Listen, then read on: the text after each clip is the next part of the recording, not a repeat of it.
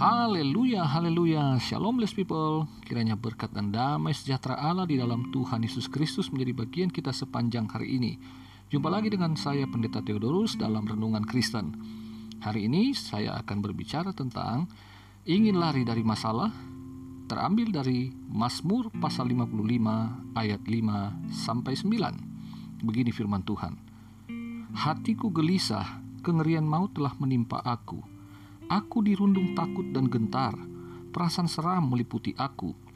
Pikirku, sekiranya aku diberi sayap seperti merpati, aku akan terbang dan mencari tempat yang tenang.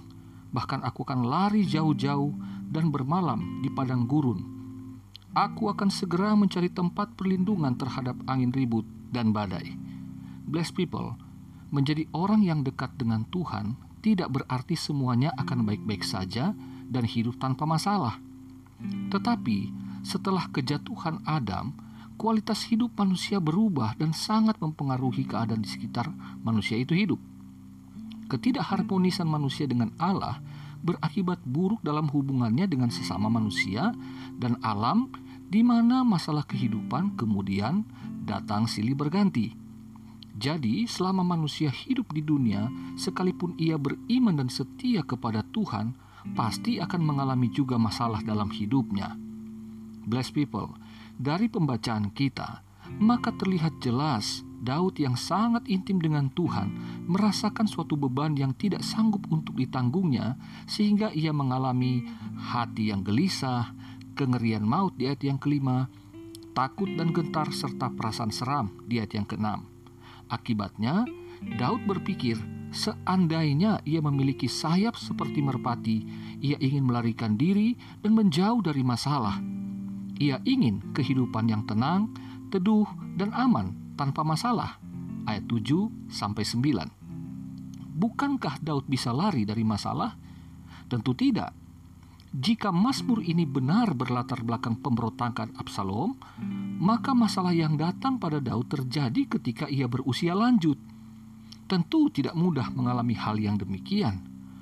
Mungkin Daud teringat pada waktu ia muda dan menjadi buronan Saul yang membuat ia harus melarikan diri ke berbagai tempat termasuk gua dan padang gurun di mana ia terlindungi dari kejaran musuh sehingga ia ingin lari ke sana lagi.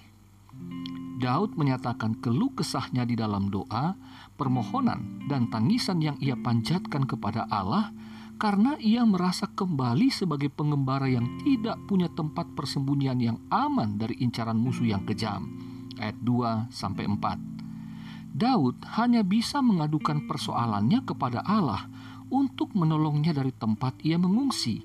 Ayat 10 sampai 16. Bless people, ada saatnya Daud tidak merasa takut tetapi di waktu yang lain ia sangat ketakutan seperti pembahasan di beberapa renungan saya sebelumnya.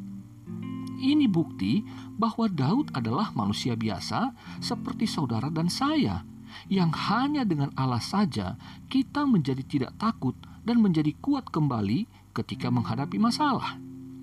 Akhirnya, keputusan Daud jelas memilih lari kepada Allah daripada lari dari masalah yang sedang ia hadapi, yaitu dengan berseru yang disertai tangisan kepada Allah di waktu petang, pagi, dan tengah hari.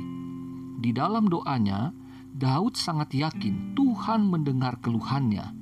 Allah akan menyelamatkan dan membebaskannya ayat 17 sampai 19 serta mengalahkan semua musuh yang menjadi pokok persoalannya ayat 20 sampai 22 dan ayat 24. Karena iman kepada Tuhan ayat 4 di kalimat yang terakhir. Kemudian Daud mengimbau kepada pembaca termasuk saudara dan saya untuk melakukan ini ketika kita dilanda kekhawatiran di ayat 23 serahkanlah kuatirmu kepada Tuhan, maka Ia akan memelihara engkau. Tidak untuk selama-lamanya dibiarkannya orang benar itu goyah. Nah, kuncinya ialah kita dalam posisi sebagai orang benar ketika masalah datang, bukan kita yang mendatangkan masalah. Bless people, apakah saudara pernah mengalami masalah yang kemudian membuat saudara berharap ada tempat yang bisa didatangi untuk menjadi tempat perlindungan saudara, baik secara fisik, mental, maupun keuangan?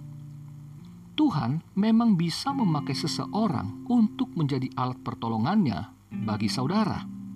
Tetapi, bagaimana kalau orang tersebut tidak bisa membantu karena berbagai alasan?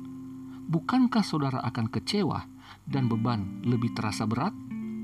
Di situasi yang terjepit, apakah saudara ingin lari dari masalah atau bagaimana?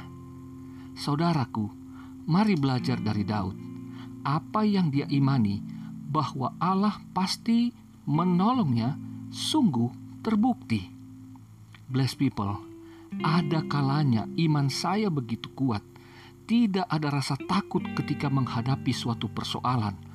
Namun ada kalanya entah mengapa saya dilanda ketakutan juga. Jadi bless people, saya sadar bahwa tidak bisa saya mengklaim akan selalu kuat ini di luar kendali saya sebagai manusia biasa. Itu sebabnya saya sangat memahami posisi jemaat yang saya kenal bahkan sangat rohani dan tekun melayani, tetapi tiba-tiba ia bisa sangat lemah dalam menghadapi masalahnya. Bersyukur ada firman Allah yang menunjukkan sisi lemah para tokoh iman termasuk Daud yang hanya bebas dari masalah ketika ada di dalam Tuhan. Mari kita renungkan bersama dan mari datangi Tuhan di dalam segala kebutuhan hidup kita dan terlebih pada saat kita takut dan khawatir. Tuhan Yesus mengasihimu, Tuhan Yesus memberkatimu. Selamat beraktivitas. Haleluya, bless people.